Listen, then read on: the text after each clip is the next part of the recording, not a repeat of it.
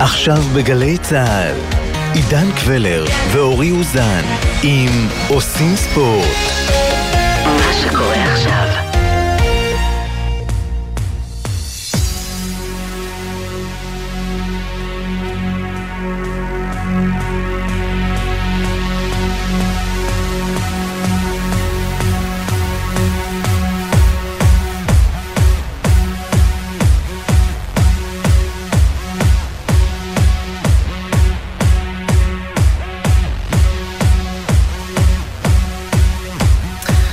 בגלל שכל יום, אפילו בחיים האישיים שלנו נראה כמו נצח, אז אה, לא הספקנו לשכוח, אבל כאילו, מה שנקרא, שקעה ההתלהבות. ואז אני פוגש היום בקפה הסמוך לתחנה את אורי, שהיה שם, בסלובקיה, בגמר של נבחרת הנוער. ונדמה לי שהוא החזיר אותי לתוך הטירוף שהיה לנו בסוף השבוע, במיוחד ביום שישי, ולגאווה הגדולה שלנו בנבחרת הנוער. כלומר, גם אם לרגע, אחרי כל החגיגות, חשנו בסוף את הרוויה, לא בקטע רע, אלא בקטע טוב, כאילו, אתם יודעים, גם עונג, כמה אפשר לסחוב אותו. אז אורי החזיר אותי לשם, והנה הוא כאן איתנו. אה, אורי, איך היה? עדיין לא התאוששתי, באמת היה שידור, עשיתי כמה שידורים בחיי, זה היה הכי מרגש בהפרש.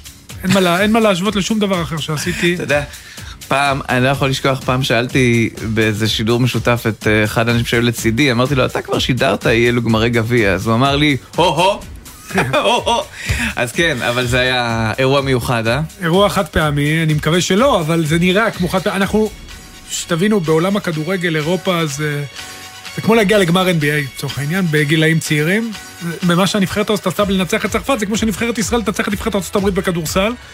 כזו, כזו הבמה המרכזית, והילדים האלה הדהימו את אירופה עם מאמן, עם כריזמה מטורפת, וחיבור מיוחד, ושחקנים מלח הארץ, וחיבור, ובאמת היה עונג גדול להיות שם ולהיות, אה, אתה יודע, גם להכיר את הילדים האלה מגיל 15, את הגברים הצעירים, אני צריך להפסיק להגיד ילדים. את הגברים הצעירים האלה מגיל 15, זה פשוט כיף, ועכשיו, אתה יודע, חוזרים לעולם האמיתי, ייקח להם זמן קצת לנחות, ואילי מדמון ינסה, הקפטן, והילד המק... וה... הבחור המקסים הזה ינסה להשתלב בבאר שבע, וקנצפולסקי ולמקין בהפועל תל אביב, ומכבי תל אביב שלך הכי הרבה נציגים, כמובן אוסקר גלוך, נראה לאן פניו מועדות, ונקווה שמהדור הזה יהיו לנו ארבעה חמישה שחקנים בבוגרת שיעבירו את האמונה הזאת ואת החיבור הזה ואז ההצלחות גם יגיעו לנבחרות הבוגרות. ונדמה לי, אורי, שהקטע הוא פשוט לתת להם לשחק, לשחק, לשחק. זה הסיפור עכשיו. בליגות הבוגרים, כמובן, דרך אגב, זו הנבחרת הכי צעירה באליפות, אין לזה אח ורע, הנבחרת שחצי משחקניה הם שנתון מתחת, וזה כל כך אה, מורכב בגיל הזה, וההישג הוא בלתי נתפס, ואני חושב ש... מי האמין שנבחרת נוער ישראלית תשודר בפריים טיים ביום שישי? בשני ערוצים. בשני ערוצים. איזה עונג, איזה עונג. נזכיר, זה אירוע שהתרחש פעמים נדירות בלבד, זו אולי הפעם הרביעית בתולדות השידור העברי בארץ ישראל, שבו שני ערוצים משדרים בשידור חי עם שני צוותים במגרש. זה פשוט בגלל הסטייה שלי, אני כל כך אוהב את תחום השידור אפילו יותר מהספורט.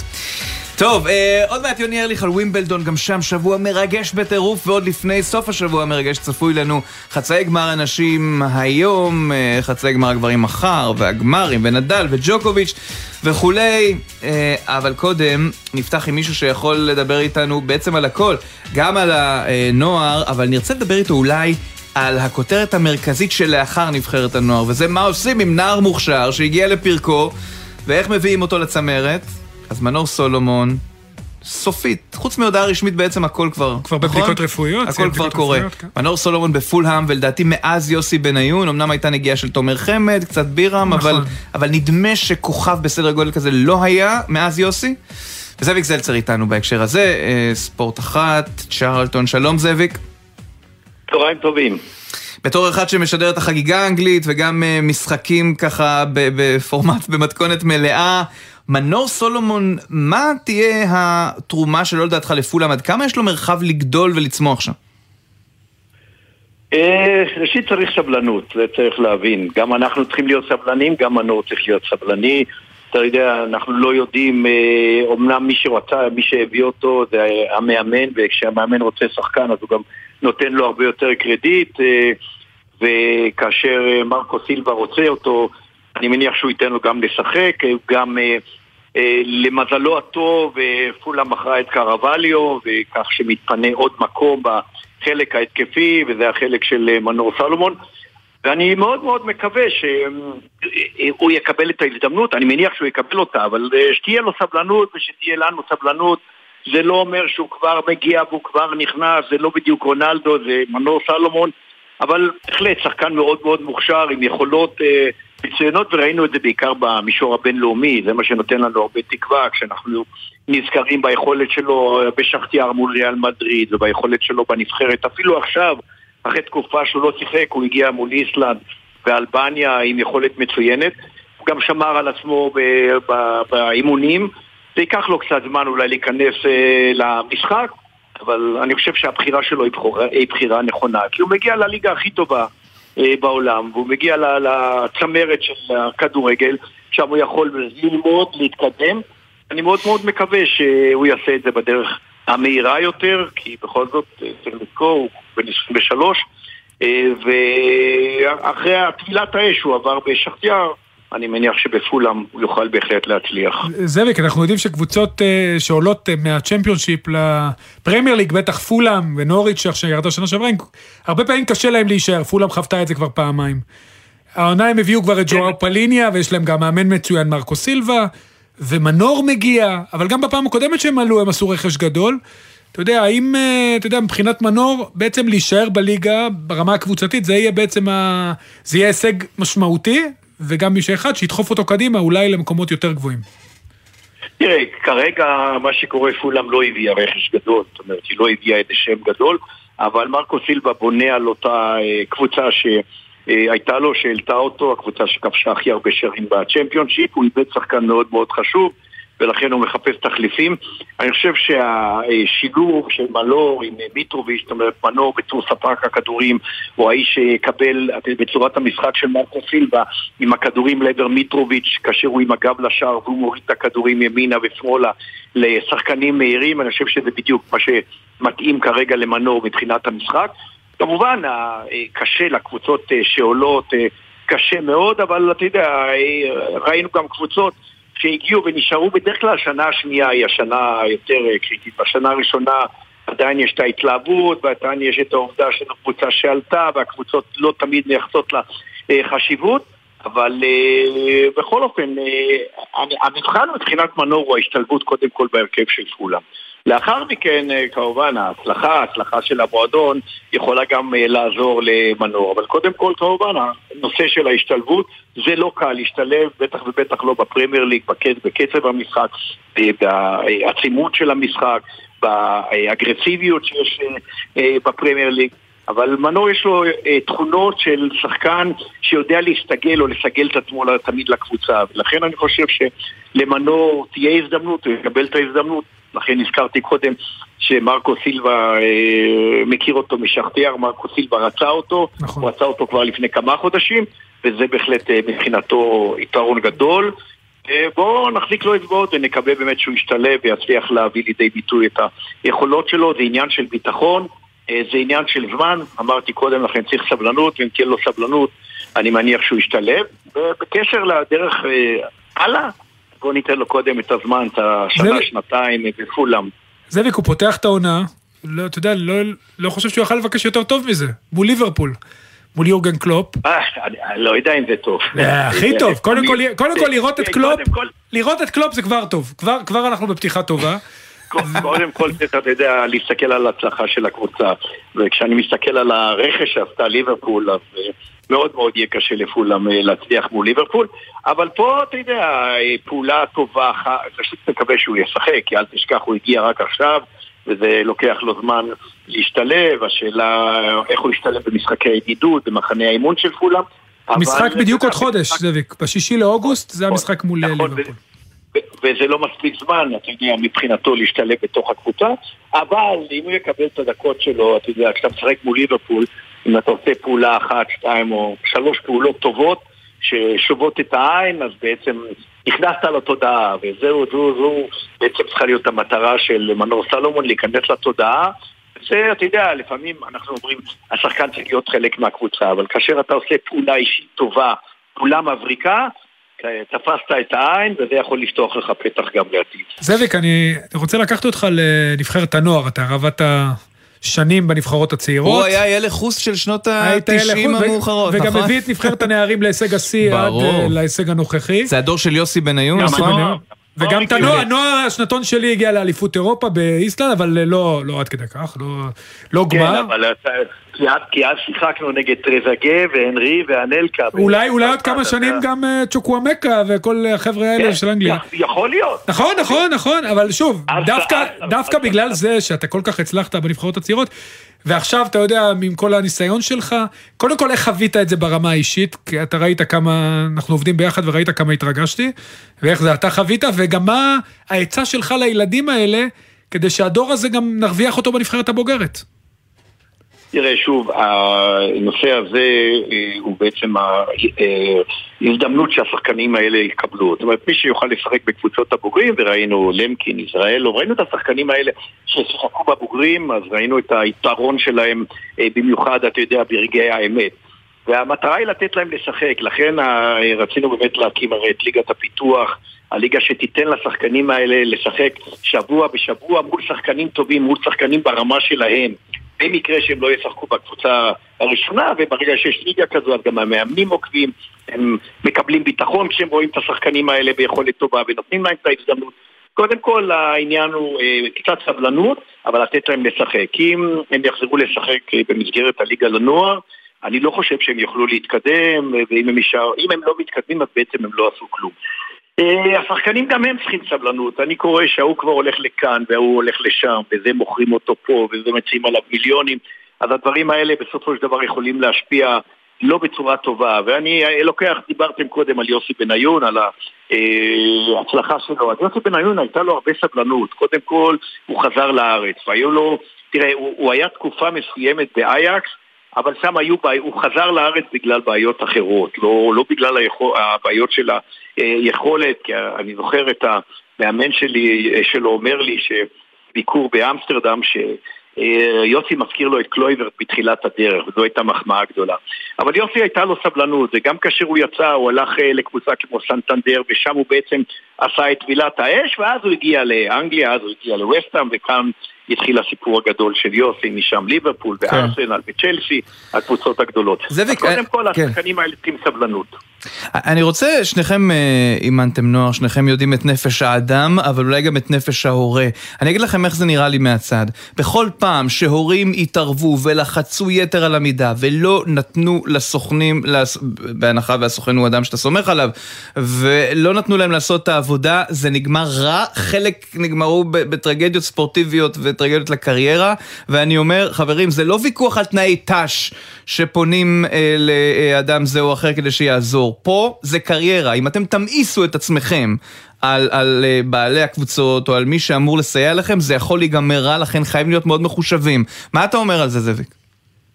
אני אומר שצריך סבלנות, אמרתי את זה קודם לכן. כן. גם ההורה צריך סבלנות, ולא צריך... אתה יודע, פעם, תראה, קשה לנו לשפוט, אתה יודע, קשה לדעת מאיפה אתה מגיע, ומה המצב הכלכלי, ומה המצב המשפחתי, ולפעמים הפיתוי הוא גדול מאוד, והשחקן רוצה לעזור למשפחה שלו.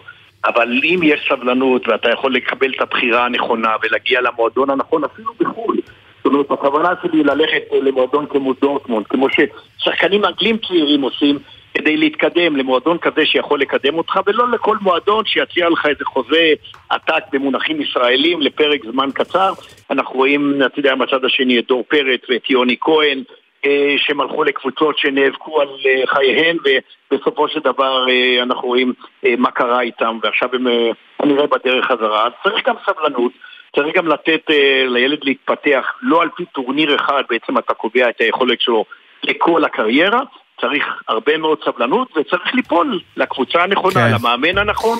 מזל אף פעם לא חסר כאן. אה, כלומר, מזל אף פעם לא מזיק, זה מה שהתכוונתי לומר, הוא חסר. מאוד, כן. כן, הוא חסר לא אחת, אנחנו זקוקים לו. זאביק זלצר, תודה רבה. תודה זאביק. תודה לכם חברים, צהריים טובים. תראה, אני לא פריק של טניס, אתה יודע אבל פריק של מה אני? אני פריק של השעות האלה. חמש, שש, שבע בערב, שאתה יושב, שמש עדיין בשמיים בשעון קיץ, אתה צופה לפעמים או עם בירה קרה, או אפילו סתם עם אה, מים מרעננים, צופה בטניס, בדשא המרגיע של ווימבלדון, לפעמים זה גם החימר הפחות מרגיע, אבל הנחמד של רולן גרוס, במקרה שלפנינו ווימבלדון, וזה כיף גדול בטח כשיש כאלה דרמות. אמיר ויינטרופ, טניסאי עבר, פרשן ערוץ הספורט בהווה, שלום. שלום, שלום. שמע- למה דווקא רק בירות? מה עם איזה שמפניה תותים וקצפת? בדיוק, לא, אז נכון, זה אתה אתה שומר צודק. לגמר, זה אתה שומר לגמר. אה, לא, אבל אמיר, אתה צודק, זה הנוהג בווימבלדון, זה נכון. שנה שעברה נכון. הייתי בווימבלדון, כי הייתי בגמר היורו, וקפצנו לראות את ווימבלדון, קיווינו לתפוס את פדרר, אבל הוא הודח ברבע, אז זה לא יצא. תקשיב, 2003 לא. הייתה לא רגילה... נורא, לא נורא, היה כיף, ראינו את שפובלוב. אז זהו, 2003, הרגילה האחרונה שלי, הצלחתי איכשהו אה, אה, להיכנס, אה, פגשתי שם את יוני ואנדי, היה הטורניר הכי גדול שלהם, וזה היה בדיוק הגמר הראשון של פדרר מול פיליפוזיס. וזה שם... וואו, אז הנה, סוגרים מעגל עם-. אז כן. זהו, אז אנחנו גם סוגרים מעגל, כי יש עכשיו אוסטרלי אחר בחצי הגמר, והוא גם נכון. סיפור אה, גדול, כאילו לא רק טניס wise, אלא גם... הילד הרע של הטניס העולמי. מה קרה לקיריוס שזה התחבר לו הפעם? אם זה לא התחבר לו, אוקיי, זה כן התחבר לו, אבל הוא כל הזמן אמר עכשיו שהוא הולך אה, לעשות את ה push בעונת הדשא. הוא ויתר על כל עונת החמר והתאמן על הדשא. זה שחקן שהוא טוב מאוד מאוד מאוד במשטחים מהירים, והדשא זה המשטח הכי מהיר. יש לו serve שברגע שהוא נכנס, ס- ספק רב אם אתה מצליח להחזיר את ה serve, ואז אתה יודע, הוא מתחיל עם השטויות שלו, נכנס לראש של השחקנים שם, ועושה בית ספר להרבה אנשים. כן, עכשיו הוא בעצם עם הראש שלו, הולך להתמודד עם מישהו עם הראש הכי חזק בטניס, אבל לא יודע כמה הגוף יחזיק את נדל. זאת השאלה הגדולה. הוא כבר מבחינת ב-19-0 הטניס, השנה בגרנד סלאמים, אבל אה, מה יהיה עם הגוף שלו? לא, תשמע, אתמול זה היה הירואי, עוד פעם, הניצחון שלו עם הכאבי בטן שיש לו כרגע. אבא שלו צעק לו שם באמצע, יאללה תפרוש כבר. אה, אבל אתה יודע, עד מחר אלוהים גדול, לך תדע מה, מה נותנים לו ביומיים האחרונים, ואם אפשר לטפל בפציעת בטן. פציעת בטן בדרך כלל אי אפשר לטפל תוך יומיים. אה, מאוד מעניין לראות איך זה יקרה באמת. גם ג'וקוביץ', יכול להיות שהוא לא יעלה בכלל. כן, זה, הוא, הוא אמר אגב אתמול, מי יודע מה יקרה עד הגמר. זה, אבל, לחצי, אבל, כן. כן, עד חצי הגמר כמובן. אה, גם ג'וקוביץ' התמודד מול יריב. בכלל, אה, האם אפשר לומר בעיניך, אמיר, ששני היריבים, גם יניק סינר וגם אה, יריבו של נדב אתמול טיילור פריץ, הם הדור הבא, הם יכולים להיות לפחות שניים משלושת המוסקטרים, או שזה פשוט תפסו יום? לא. יאניק סינר בוודאות כן, הוא סך הכל בן 20 וזה מי שבתוך הטניס יודע שהוא הולך להיות אה, אחד מהדברים הבאים, הוא באלקרז, אה, זה שמות שכבר רצים הרבה זמן. אה, לגבי אה, טיילור פריץ, שמע, הוא כבר טופ 100, טופ 20 כבר הרבה מאוד זמן, עכשיו הוא עושה קפיצה גדולה, הוא בן 24. אה, להגיד לך שהוא ילך להיות עם כל הגרנד סלאמים, לא יודע, 5, 6, 7, 8, 8 גרנד סלאמים, אני לא יודע, לא חושב. אבל אין ספק שיכול לגנוב פה אחד או שם אחד, הוא עדיין צעיר והוא במקום הנכון בזמן הנכון. כן, זה, זה גם דבר שחשוב. כן, אני דווקא אני רוצה לחזור למשחק של נדל, ו... אתה יודע, שאתה היריב, שאתה עומד, אתה שיחקת טניס, אתה עומד מול יריב שאתה רואה אותו כל כך מתקשה מבחינה פיזית, ודווקא אז יש נפילה במשחק, כי המשחק הטניס הוא כל כך מנטלי. כמה, כמה אתה יודע, זה היה... כמה זה היה מורכב באותו רגע, דווקא ליריב של נדל, לא לנדל, להתמודד עם הדבר תמיד הזה. כשאתה רואה, תמיד כשאתה רואה את המישהו בצד שני שהוא פצוע, אז אתה אומר, טוב רגע, אני, אני יורד קצת מהעוצמה, אשים הרבה כדורים במגרש, והוא יתחיל להחטיא, או שהוא יתחיל ללכת על ווינרים ויעשה טעויות, או שהוא יפרוש. אבל נדל זה, זה משהו אחר, בסופו של דבר, גם כשהוא פצוע, בן אדם לא מוכן לרדת מהמגרש ולא מוכן לוותר. ואין דברים כאלו, גם כשהוא שיחק נגדו השנה באינדיאן ווילס בגמר, נדל שיחק עם צלע סדוקה, ולא מבין למה הוא לא מצליח לנשום, והוא היה נגד טיילור פריץ. והוא הפסיד לטיילור פריץ שם בגמר, אבל גם המשיך עד הסוף לשחק עם צלע, עם צלע סדוקה, זה פשוט אה, לא מובן איך הבן אדם הזה מצליח להתמודד עם אה, כאלו כאבים וממשיך לשחק. אבל הוא באמת אה, להוריד בפניו את הכובע בעניין הזה. פנומן. רגע, אתה יודע, זה עדיין אנחנו בדיונים האלה של מי הכי טוב בכל הזמנים. אתה יודע, נדל כבר שבר את פדרר. לא, אבל- זה מעניין. לא, ברור, אבל זה הדיון. אנחנו, ברור, אנחנו בקטע של דיונים, אני לא משחק טניס. נכון. אבל נדל ודיוקוביץ' כנראה, טוב, עברו את פדרר, יעברו, ודיוקוביץ' יעבור אותו מתישהו.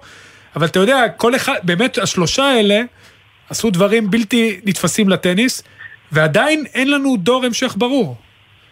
אז קודם כל יש דור המשך, הבעיה הגדולה עם השלושה האלה זה שהם אה, באו באותו זמן. אוקיי? אם היה לך רק נדל וג'וקוביץ' או רק נדל ופדרר או רק אחד, לכל אחד מהם היה 30-40 גרנד סלאם, שזה מטורף. תחשבו שאנחנו מדברים פה על 62 גרנד סלאמים שעוברים בין שלושתם, שזה נתון מטורף. אה, מאוד קשה לראות כי כל אחד מתחבר לשחקן אחר, מבחינת אה, אה, יופי, פדרר השחקן הכי שמשחק הכי יפה מכולם, מבחינת מאמץ, נדל השחקן שמתאמץ הכי הרבה ומוציא הכי הרבה מעצמו, מבחינת אה, אה, לשחק הכי נכון על המגרש וניצול אה, חוזקות, ג'וקוביץ' הוא הבן אדם שהכי יעיל מכולם אי פעם על המגרש. כל אחד מהם מביא משהו אחר. וזה מטורף לראות שהם שלושתם באותו זמן היום. בוא נדבר לרגע על uh, טניס הנשים בווימבלדון. הערב שני חצאי הגמר. בהתחלה אנחנו נראה את אונס ז'אבר. אה, זה, זה נורא קשה, הז'אבר הזה, כי, כי זה, כן. אפשר לומר ז'בור, ואפשר ז'אבר. כן, זה אונס ז'אבר אה, מול טטיאנה מריה. אחרי זה נגיע אולי ל... להלפ. תשמע, מדובר בסיפור ענק, א', שתי חברות, אבל גם טטיאנה מריה, אישה בת 36 עם שני ילדים קטנים, 34 עם שני ילדים קטנים, ו- וזה כן, מדהים כן. היכולת להחזיר את עצמה למשחק. היחידות שהצליחה לעשות את הדבר הזה, וגם דרך אגב לפני הגרנד סלאם הזה בקושי שמענו עליה, גם כשהיא הייתה לפני הילדים. אה, פתאום הכל מתחבר לכאן, והן באמת אה, חברות, אני חושב, הכי טובות בסרט, ג'בור ומריה. אה, הן יוצאות לשחק אחת נגד השנייה, אפילו ג'בור אמרה שהיא הפרטנרית שלה לברבקי. נכון. עד כדי כך. אה, כן, שמע, אין ספק שג'בור היא פייבוריטית מוחלטת כאן.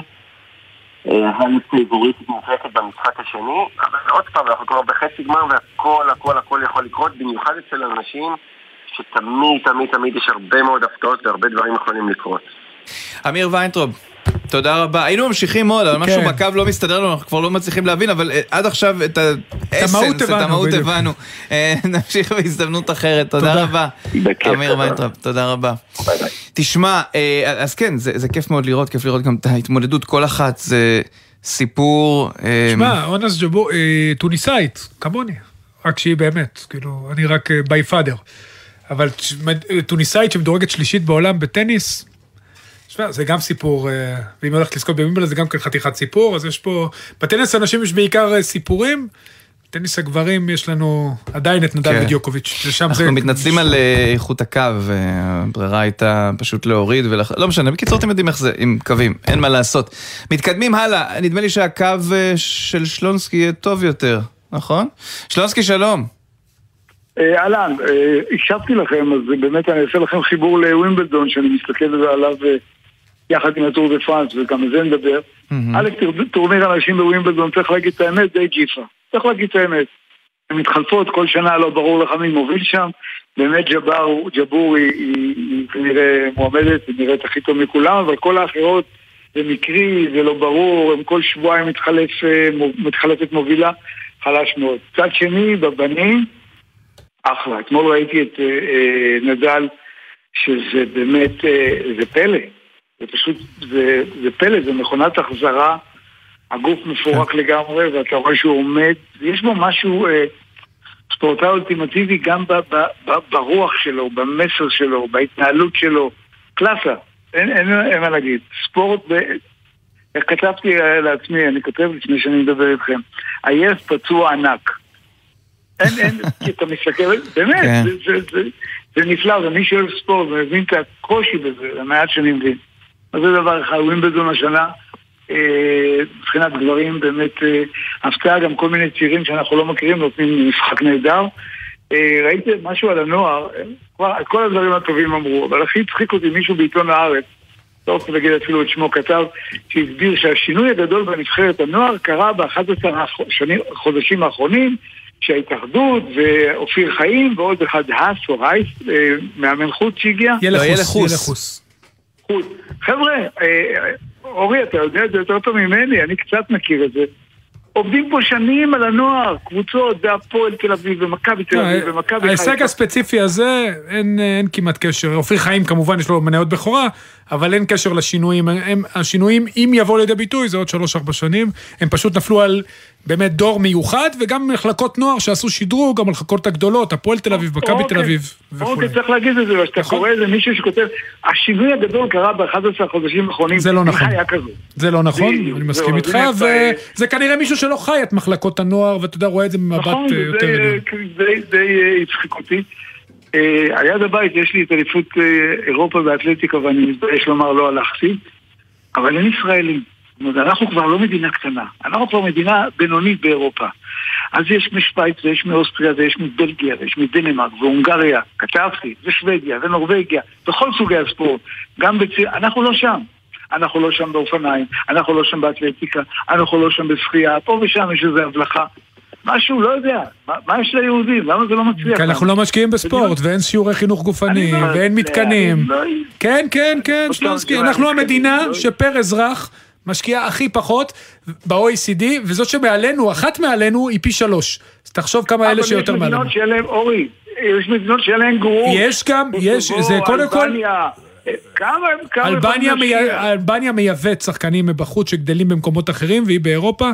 ביום לא, המדינה שחקנים, לא, שלנו לא אוהבת ספורט, היא אוהבת אולי לדבר על ספורט, אבל היא לא משקיעה, לא במחלקות הנוער, לא בבתי הספר, לא בחינוך גופני, לא במתקנים ולא בכלום. כל הצלחה. היא אנומליה של המערכת, ותזכור את זה עד שיהיה פה שינוי. ממש מבאס.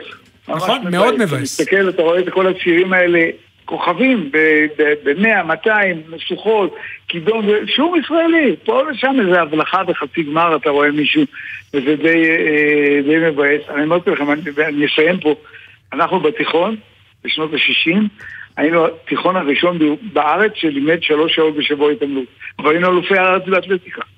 בבקשה. היינו על תיכון כאילו מהפריפריה, מיד כן. מיד תל אביב, לא משנה. אה, בקיצור, אין- אין אין תכלית לספורט. תשמע, אה, והניצחון על הטור דה פרנס, דיברתם אתמול? אתה יכול לדבר אתה? אני מסתכל על כן, טור כן. דה פרנס, דיברנו, לא, אני לא רוצה לקחת את הזמן שלכם, אבל קצר. אני מסתכל על טור דה פרנס, אני מכור לו מאמצע שנות ה-90. בחודש יולי אני לא מתפקד בכלל. לא שאני מי יודע מה מתפקד, אבל אמצע יולי אני לא מתפקד. והסתכלתי על מסלול cobble, זה היה מטורף. וזכה איזה קלארק ולא שמתי לב, הוא היה מישראל סטארט-אפ ניישן, מהקבוצה. נכון, ניצחון היסטורי, ניצחון. בכורה לקבוצה. ישראלית. כן. ראית את. אדמס מתחבק איתו וזה, אז הנה הישג ישראלי. יפה מאוד. אנגלית, אבל הישג. שלונסקי, תודה רבה. שבת שלום. שבת שלום. שבת שלום.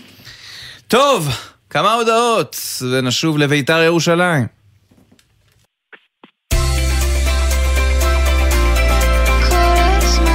גלי צה"ל, יותר מ-70 שנות שידור ציבורי.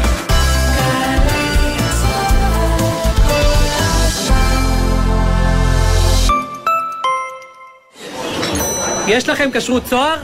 לפרטים חפשו בגוגל כשרות צוהר. בשנה הקרובה אתם עומדים לשמוע הרבה... יש! וגם... אני לא מאמינה! ולא מעט... זכינו! 30 אלף, כן, 30 אלף זכאים, יזכו השנה להגשים חלום ולזכות בדירה בהנחה בהגרלות של משרד הבינוי והשיכון ורשות מקרקעי ישראל. אז בהנחה שאין לכם דירה ובהנחה שאתם זוג נשוי או רווקים בני 35 ומעלה, יש לכם סיכוי לזכות בדירה בהנחה. חפשו ברשת דירה בהנחה, תקווה לדירה במרחק הגרלה, כפוף לתקנון. אקדמית אחווה מציגה חינוך מחוץ לכיתה ומחוץ לקופסה. תואר שני שיסייע לכם להשתתף בעיצוב החינוך בארץ. יום פתוח בזום, 13 ביולי באקדמית אחווה. אקדמית אחווה אין ספור הזדמנויות להגשים חלומות לפרטים כוכבית 3622 שלום, אני מיכל כהן, מנכ"לית קרן רש"י. הגיע הזמן לשנות את המשוואה. המקום שהאדם נולד בו לא צריך להשפיע על עתידו המקצועי.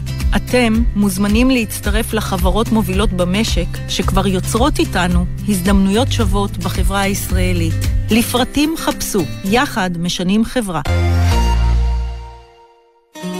מה זה באמת להיות ישראלי? דינה זילבר במסע לתוך הישראליות עם דמויות מפתח בחברה, בספרות ובתרבות. והשבוע, הרב בני לאו. רוב אזרחי מדינת ישראל לא פתחו את התנ"ך. הוא נמצא שם כמו איזה מזוזה, ואתה מזמין אותם במיזם הזה, 929, לפתוח את התנ"ך, ולהתיידד איתו, ולקרוא, ולשוחח. מילים ומשפטים עם דינה זילבר, הערב בשמונה, גלי צה"ל.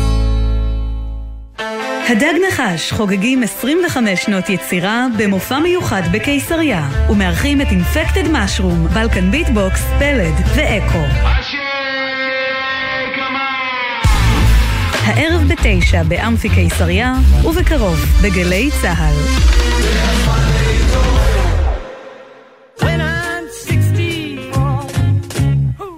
כבר מזמן לא 64. פול מקארטני חוגג 80.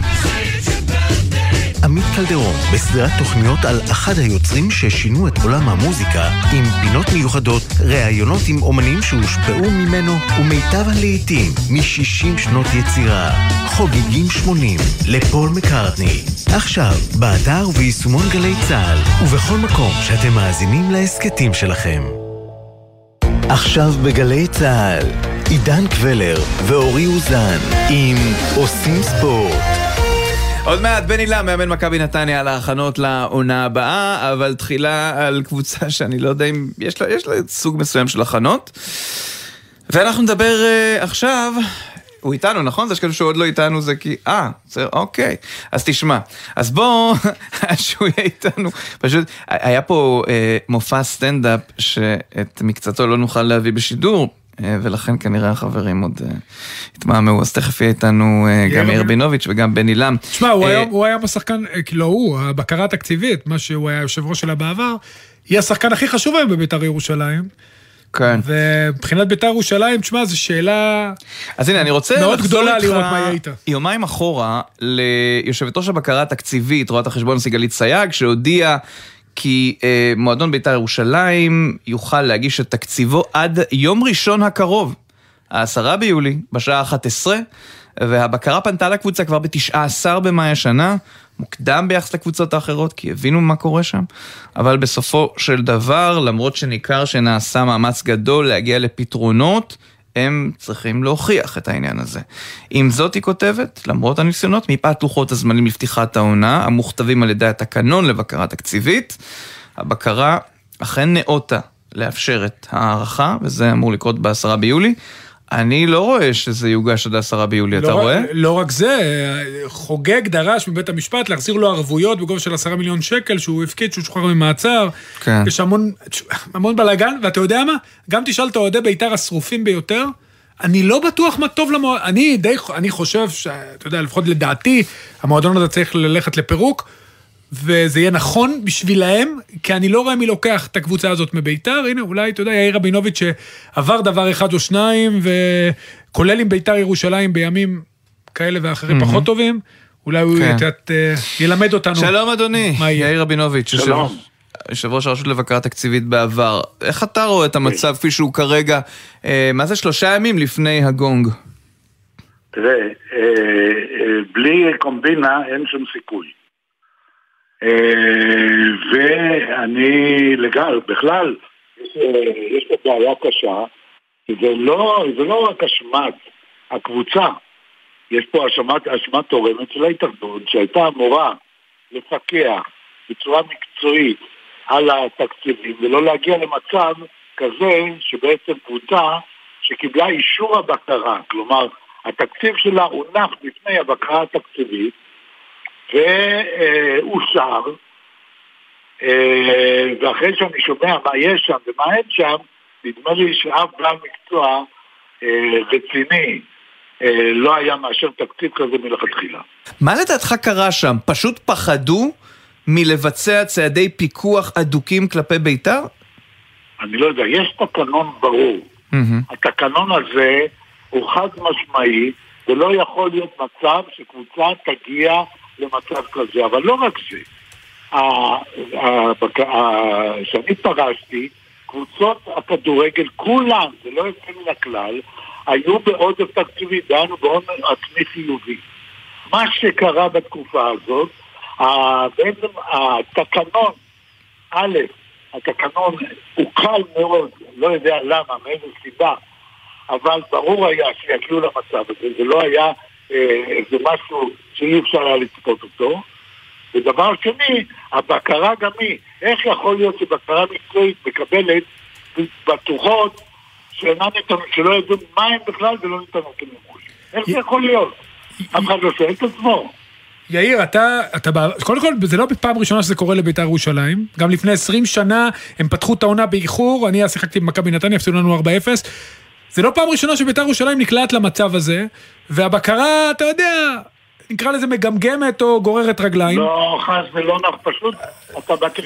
לא, אני לא נכון. מטעה, אני לא מטעה, כי לא התחילה את העונה מחזורים ראשונים, ואם זו הייתה קבוצה אחרת באותה תקופה, אני לא בטוח שהייתה בכלל יורדת ליגה. תקופה שהייתה בקרה.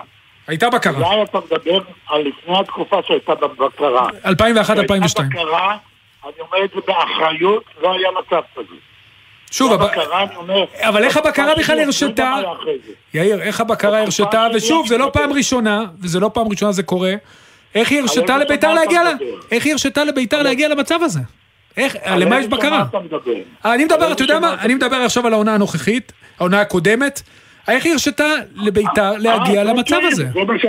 זה אני שואל את- אה, אתכם, אתם. אותי? אני לא בבקרה. איפה אתם? לא, אז הוא אמר שיש לא שם תורם להתאחדות שלא בוצע? פיקוח. אבל זהו, אבל זה... איפה העיתונות? אה, תראה, קודם עכשיו, כל... אני שומע, איפה אני הרגולטור? גם שומע, אני שומע אה, שההחלטה בעניין הב- הבק- בעניין בית"ר ירושלים מתקבלת על ידי יושב ראש הבקרה, היועץ המשפטי וראש ההתאחדות.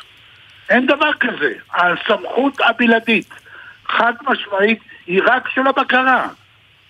אז שוב מה אני... זה ההתערבות הפוליטית הזאת? אז שוב אני שואל, ומה... קודם כל, מה עושים עכשיו עם ביתר? אתה יודע מה? מה...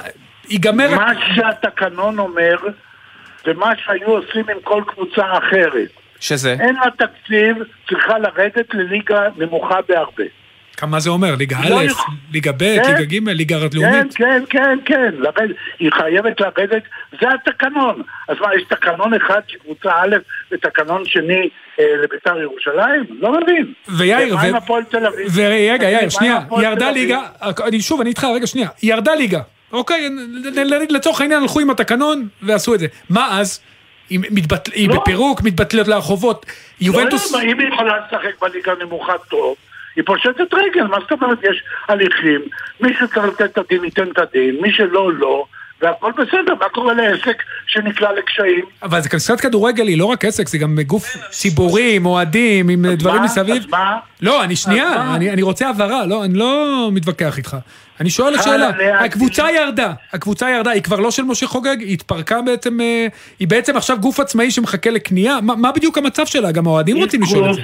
של- היא גוף שנמצא במצב של חדלות פירעון, ובמדינה הזאת יש אה, חוקים ברורים לגבי חדלות פירעון. היא חד- חדלות פירעון. אני לא יודע, ואני לא אה, עד כדי כך, האם לנושה שנתן אשראי לקבוצת כדורגל בידיעה שיש בקרה, והבקרה לא קיימה את תפקידה, האם אין לו זכות גם מול הבקרה? מעניין. או מול ההתאחדות לכדורגל. כן. גם הנושים הם סיפור לא גדול. פה, נכון? נכון. גם הם? דברים. נוקבים. הנושים, אני מניח שלא כל הנושים היו נותנים אשראי לקבוצה כזאת, כש... אה, בידיעה שאין בקרה. אני מאוד מודה לא לך. בטוח שכך היה. יאיר רבינוביץ', יושב ראש הבקרה התקציבית לשעבר, דברים. אה, נוקבים שמשאירים חומר למחשבה, תודה רבה לך. תודה לכם. ועכשיו הרגע הכי כיפי שלי. כן, האיש שהפיח חיים בליגת העל כולה, אבל במיוחד במכבי נתניה, בני לם, שלום. אהלן, צהריים טובים לכם. מאמן הקבוצה, אורי, בכבוד. בני, איפה אני תופס אותך קודם כל? כרגע אחרי אימון בחדר, מתכונן לארוחת צהריים, מנוחה ולמשחק אחר הצהריים. איך, איך המח... קודם כל איך עובר המחנה, ואיך ההכנות... אה, כן. שמע, אורי, מקום, מקום מצוין, אווירה טובה, אה, אנחנו... רגע, בוא נעדכן איזו מדינה, עכשיו. איזו יבשת. אנחנו בה- בהונגריה, בהונגריה. תענוג. בהונגריה, בטלקין בהונגריה. גם אורי העביר הרבה שעות בהונגריה בסוף השבוע האחרון, בדרכו לא, לסלובקיה. בושה שלא ביקרתי אתכם, זה עליי, אבל בני, אני מתנצל. חבל, חבל חבל, אורי, חבל.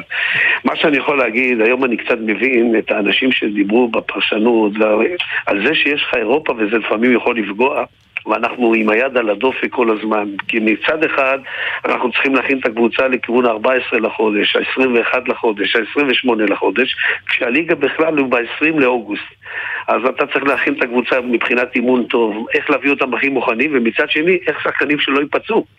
אז זה קטע שאנחנו צריכים לדעת לעבוד עם זה, ואנחנו כרגע עושים את זה בצורה הכי טובה שיש. ו- ואיך אתם בדיוק, זה בדיוק רציתי לשאול אותך, זו השאלה הבאה. למה אתם, איך אתה מכין אותם מבחינת אה, עומסים להתכונן? לבשקשיר או לתאריך היעד בליגה? איך, איך אתה מסדר את זה?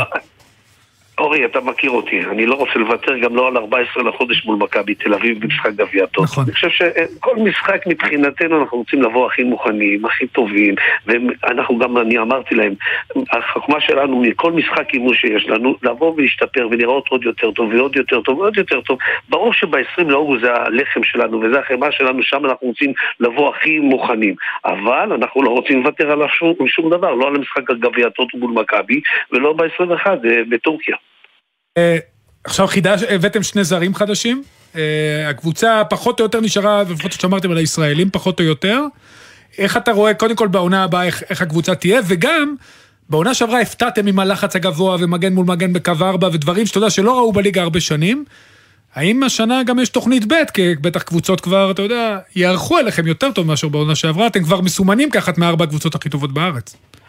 אורי, אנחנו, בקטע של הלחץ, אנחנו לא נוותר על זה, אנחנו נמשיך בדרך שלנו, אנחנו נמשיך עם המשחק שלנו. אנחנו רק צריכים להכין את הקטע של ההגנתיות שלנו, כי אתה יודע, כשאתה יוצא ללחץ גבוה, אתה מבוהל קצת בקטע של מעברים של קבוצה יריבה. אבל שם יש לנו הגנה היום מהירה וחזקה, הבאנו מגן שמאלי, את פלוריאן מגרמניה, ויש לנו את אה, פלאמן הבלם, ואת רש שלמה שהוא מעולה, ויש לי את שי קוסטנטין שחזר לכושר מעולה, ושוער מצוין, ככה שאנחנו מוכנים לכל פרמטר. החוכמה היא עוד פעם, אנחנו רוצים להמשיך בדרך שלנו, רוצים לעלות מדרגה, רוצים להיות עוד יותר טובים השנה הזאת. מישהו, יש מישהו מהצעירים שאתה רואה, שנה שעברה קרצה וגנדלמן נתנו קפיצת מדרגה מטורפת. יש מישהו, אתה יודע, שאתה מסמן אותו ויכול לסמן אותו כמשהו שייתן השנה. גם הוא את השדרוג שלו? תראה, אני, אני, יש לי מין הרגשה טובה גם על אה, ברקוביץ' שלנו. אה, אני מאוד מחזיק מהשחקן הזה.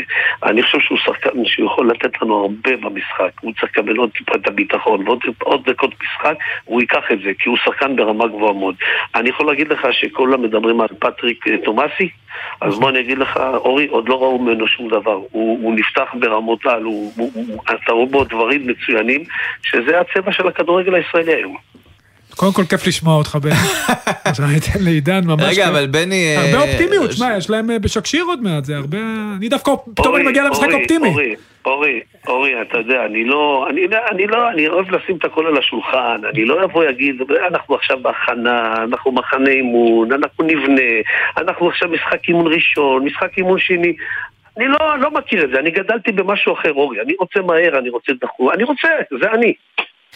תגיד, אה, דבר איתנו קצת על שיתוף הפעולה עם אלמוג, כי אנחנו רואים משהו מאוד מעניין נבנה. קודם כל, אנחנו רואים את אלמוג, לפחות איך שאני מתרשם מהצד, מקצוענות ברמה הגבוהה ביותר. מה שהוא למד בגרמניה זה דברים שאתה יודע, יש אנשים שייקח להם עוד הרבה שנים, והשחקנים שהוא מביא, אבל איך זה בכימיה איתך?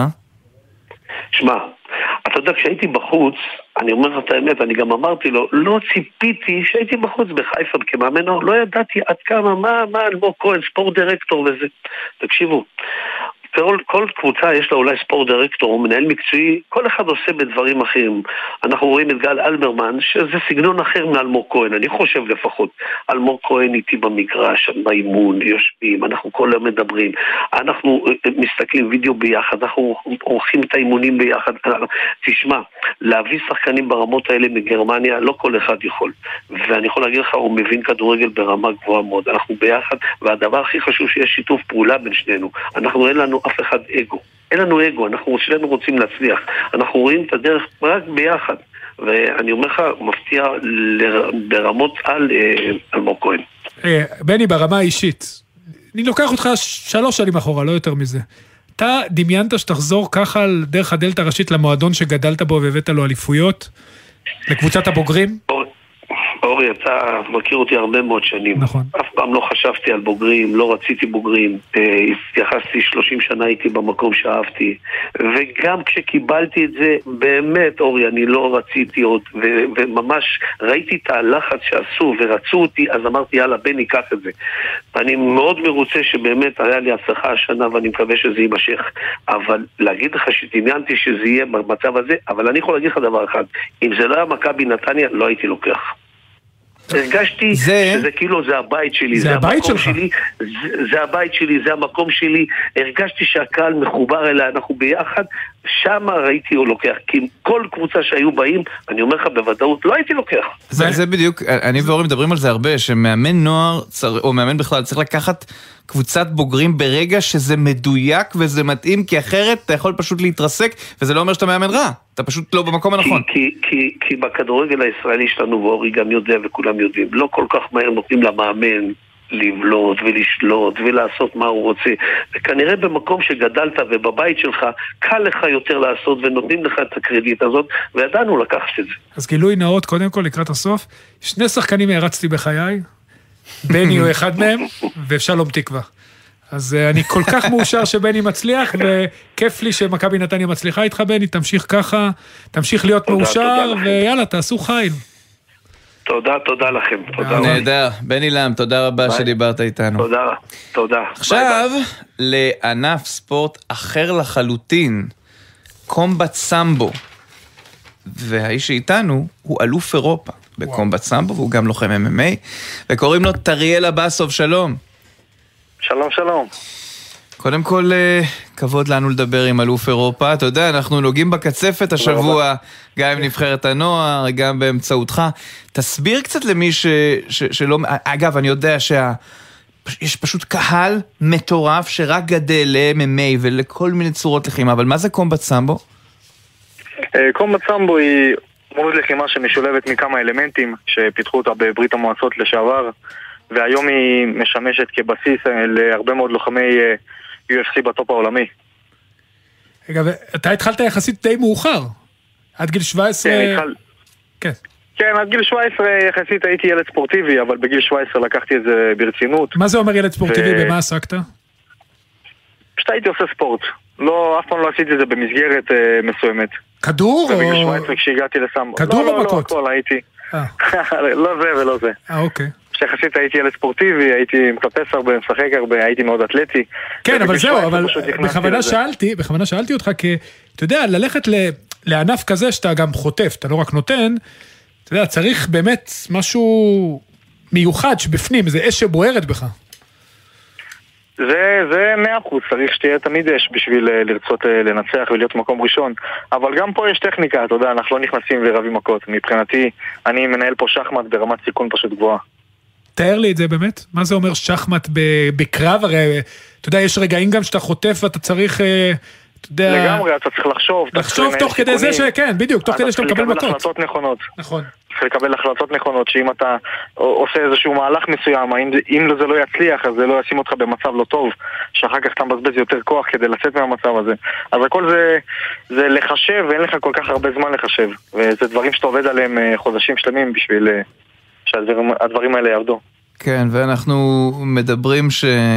מדברים על כך שיש לך מכנה משותף עם אחד הגדולים בתחום. קודם כל נאמר שהמטרה שלך היא בין היתר להגיע ל-UFC ולהתמקצע ולדבר איתנו על החביב ביותר, על חביב, אולי הגדול ביותר בתחום הזה. מוגורדוב, כן. כן, כן, פשוט קשה לי להגות את השם, יותר קל להגיד בפה בלי אם. כן. אז... אה, חביב, כן. חביב, כן, בדיוק. אז כן, אז יצא לי לפני שנה בערך, אה, לפני שנה וחצי, אז אה, הספונסר שלי היה מספנסר את הקבוצה שלהם, וקיבלתי מהם הזמנה לבוא ולהתאמן איתם בערי דגיסטן, אה, בחבל הקפקז שם, לקבוצה הסגורה שלהם. אז שתי הקרבות הראשונים שלי עשיתי במחנה הזה, הם עזרו לי, הם הכינו אותי, היו אנשי פינה שלי, כל המשפחה שלו שם, כל הפרטנרים שלו שם.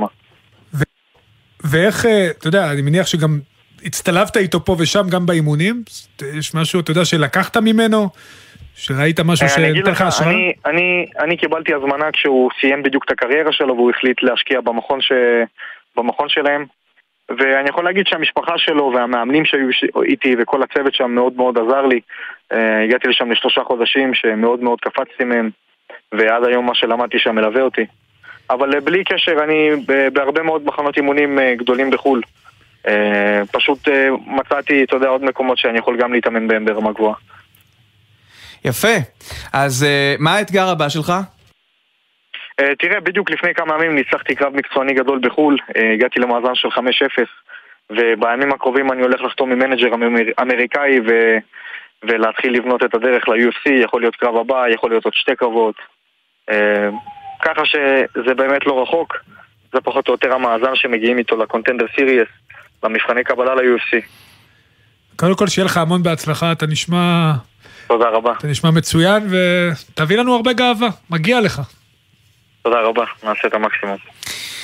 טוב, מתקרבים uh, לסיום, ולא נעזוב אתכם לפני שנספר לכם דבר או שניים על אולי האירוע הבינלאומי הכי גדול שמתקיים עכשיו בישראל, וזו אליפות אירופה באתלטיקה עד גיל 18.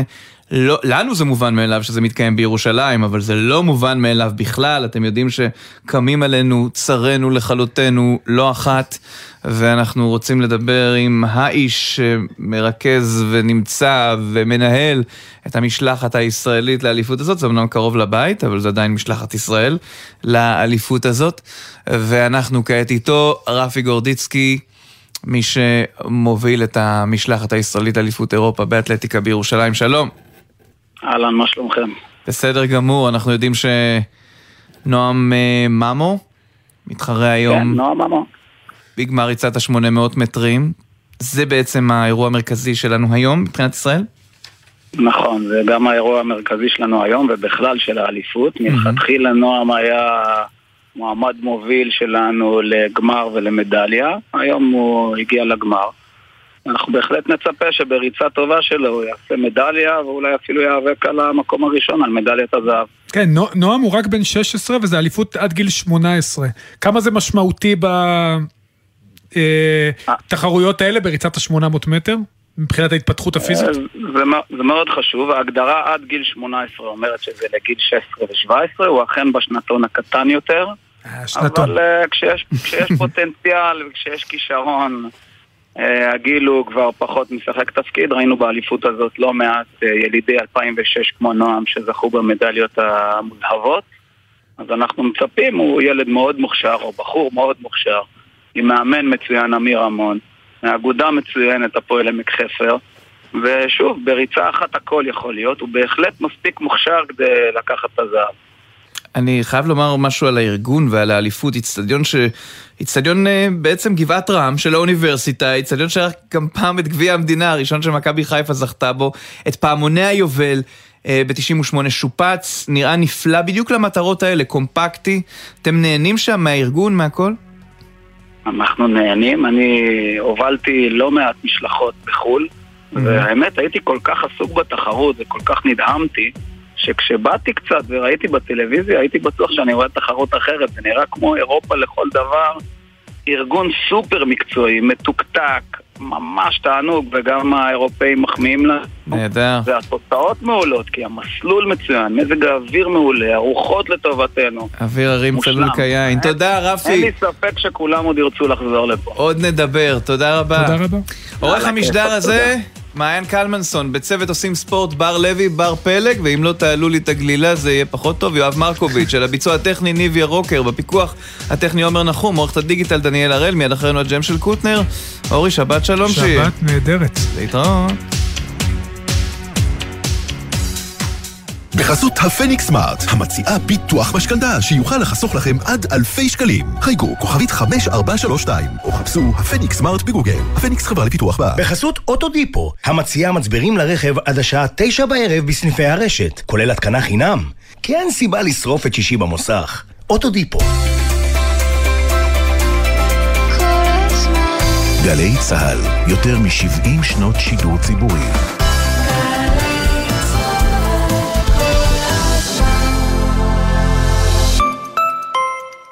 שלום, אני משי, ויש לי חנות בגדי נשים קטנה בשכונה. וכל פעם שאתם בוחרים לקנות ממני שמלה או מכנסיים, כולנו מרוויחים.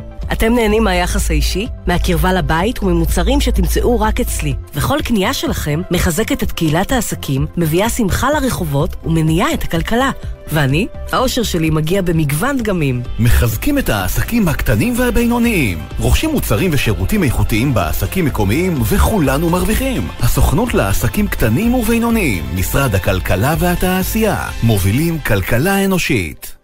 להקת הפלמנקו הישראלית בניהולה האומנותי של מיכל נתן חוגגת 25 שנה ומציגה ויטראז' במה ליצירה מקורית חדשה. שישה קוריאוגרפים, שש יצירות. יולי ברחבי הארץ. פרטים באתר פלמנקו co.il שלום, כאן יובל דיין. כשמדובר באלימות, הדרך היא לא לעמוד מהצד, אלא להתערב, לעשות מעשה. כולנו יחד. הורים, ילדים לא ממהרים לשתף כשרע להם. דברו איתם. שרק תחייכו כל החיים, זה כל מה שאני מבקשת. גם בחופש הגדול באים בטוב, לא מרימים ידיים. פרטים באתר משרד החינוך. הגבעטרון חוגגת 75 שנה.